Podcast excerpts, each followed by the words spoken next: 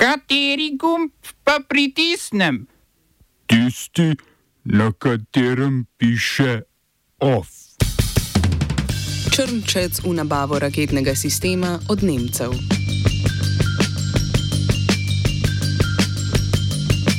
V državnem zboru o imenovanju Propsa in Novaka za nova ministra.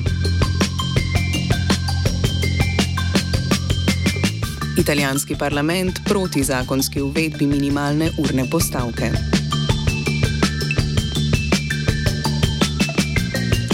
Poslanci so v državnem zboru opravili razpravo o kandidatih za nova ministra za javno upravo ter za naravne vire in prostor. Francu Propsu in Jožetu Novaku, ki jo je izbral premijer Robert Golop, so v koalicijskih strankah napovedali podporo. O novih ministrih v parlamentu še niso glasovali, saj so se zamotili z razpravo o novih predpisih štempljanja delavcev. Razpravljajo o predlogu novele zakona o evidencah na področju dela in socialne varnosti, ki so ga vložili poslanci Slovenske demokratske stranke. Po opozicijskem predlogu novele bi črtali vse spremembe zakona, ki jih je državni zbor potrdil aprila.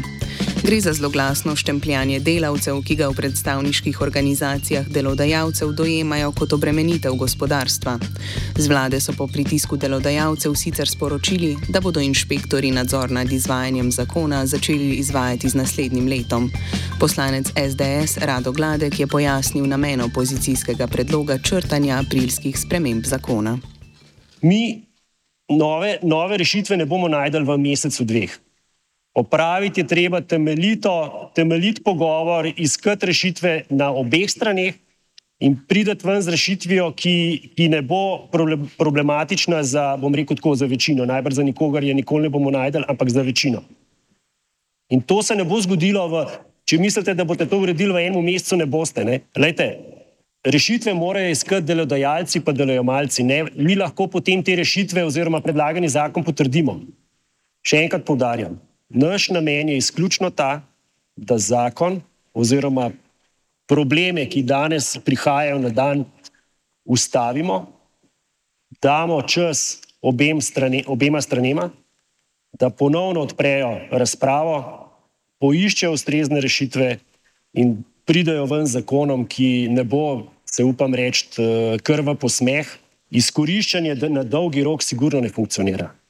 In podjetniki se tega zavedajo in uh, dopuščajo tudi to, kar sem prej rekel. Uh, lejte, bomo odprli debato o kavicah med, med uh, delovnim časom, o, o cigaretih, o telefonih v končni fazi, če želite, koliko časa se zgubi, ampak vedno je tukaj nek, uh, nek daj dam uh, med delavcem in delojemalcem.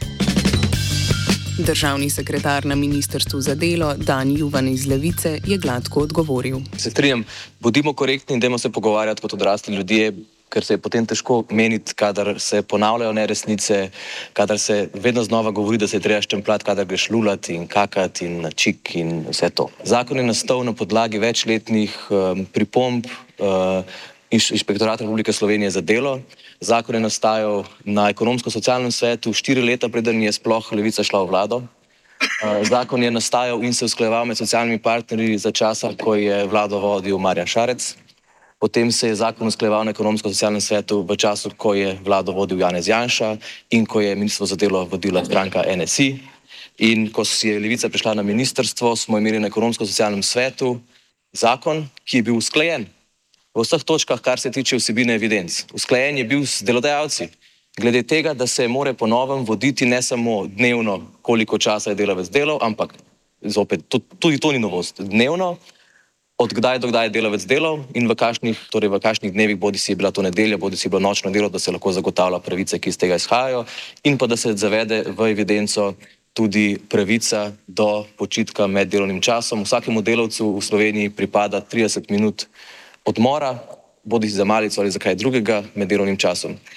Te zadeve so bile, ko je prišla levica na ministrstvu, že na ekonomsko-socialnem svetu usklajena. Kar je ostalo odprto za nas na ministrstvu, je bilo samo še vprašanje, ali je obvezno elektronsko evidentiranje delovnega časa. To pomeni, ali je obvezno, da vsi delodajalci elektronsko vodijo to evidenco. Na ta način bi obstajala tudi, tudi revizijska sled, torej inšpektorat bi videl, koliko je šef spremenil vnos delavca, kdaj ga je spremenil, kako ga je spremenil.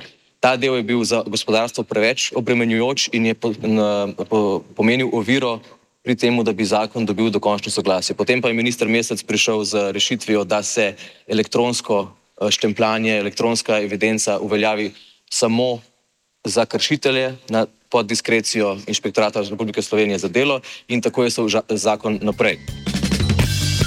Vlada je o opozicijskem predlogu novele sprejela mnenje, da v tem trenutku še ni potrebe po spremembi zakona, zato pa predloga novele ne podpira. Po treh mesecih bo vlada znova ocenila stanje in po potrebi pristopila k novi noveli.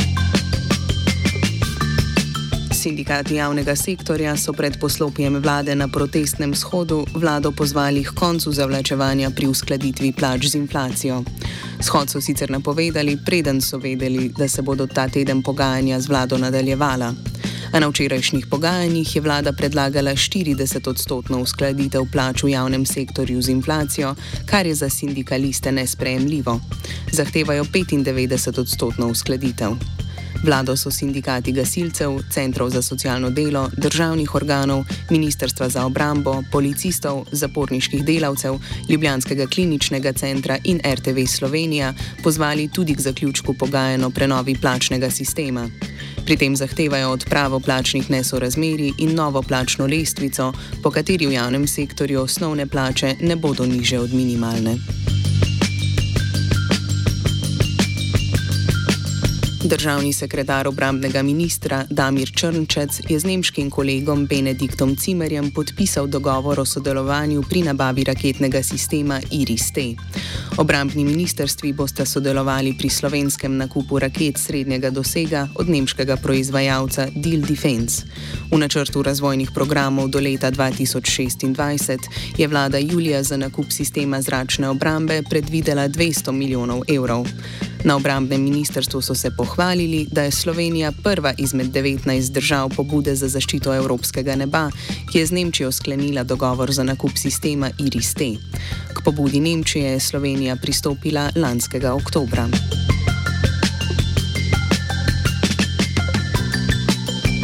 Ministrstvo za notranje zadeve je v javno obravnavo poslalo predlog sprememb zakona o mednarodni zaščiti.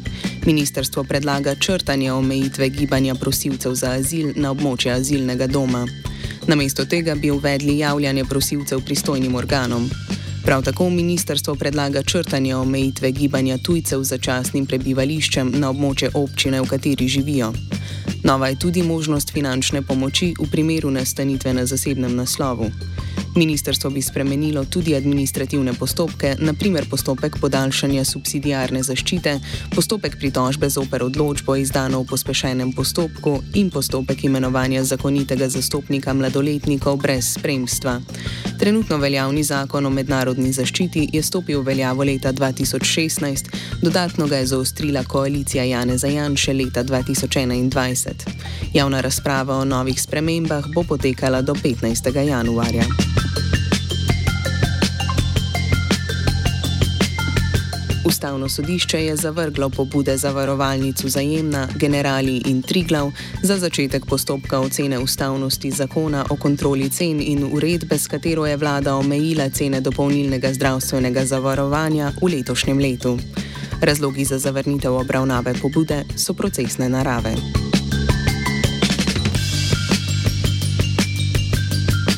Na tuje. Medtem ko izra izraelska vojska ofenzive v Gazi, v kateri so zadnje dni osredotočeni na južni del območja, ne ustavlja, hkrati krepi tudi napade na Zahodnem bregu. Na palestinska območja izraelska vojska upada dnevno, v zadnjem dnevu pa je ubila štiri palestince, od tega tri mladoletnike. Glavna tarča izraelskih napadov je mesto Tulkarm na severu Zahodnega brega.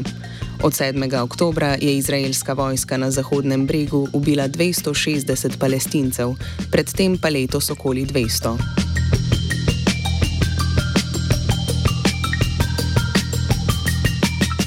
Ameriški senat je zaradi nasprotovanja republikancev zavrnil sprejetje zakonskega paketa, ki vključuje financiranje podpore za Ukrajino, Izrael in Tajvan.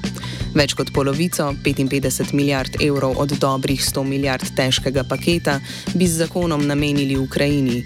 Iz te vsote bi lahko Bela hiša po lastni presoji Ukrajini pošiljala vojaško in drugo pomoč. Republikanci zahtevajo, da zakonski svežen vključuje tudi zaostrovanje protimigranske politike in dodatno varovanje ameriške južne meje.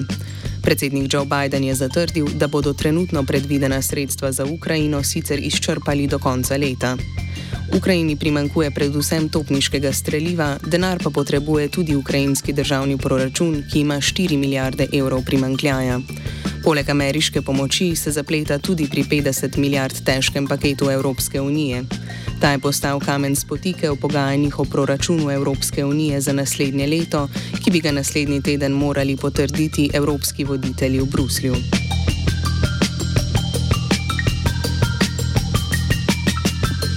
Spodnji dom italijanskega parlamenta je zavrnil zakonsko uvedbo minimalne urne postavke, ki so jo predlagale opozicijske stranke. Stranke desničarske koalicije premijejke Giorgia Meloni so v parlamentu sicer potrdile zakon o minimalni plači in ga poslale v senat. A predtem so zakon dopolnile s členom, ki vladi v roku pol leta nalaga sprejetje zakonodaje o primerni delavski plači, ki mora ustrezati veljavnim kolektivnim pogodbam. S tem so vladajoče stranke Bratje Italije, Naprej Italija in Liga v praksi zavrnile opozicijski predlog, kate, po katerem bi uzakonili najnižjo dovoljeno urno postavko pri 9 evrih bruto. Opozicijski poslanci so vladajoči koaliciji med glasovanjem usklikali: Sramota, sramota.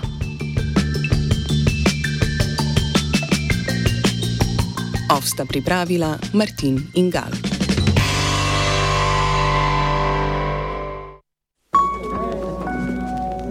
ekspresni vlak za Pariz, Pula, Trst, Milano, Torino, Grenoble, Pariz, polazi sa 14. koloseka, drugi peron lijevo. Ponavljam, ekspresni vlak za Pariz. Vstopite na pravi postaji. Radio študent, peron 89, tir 3. Adieu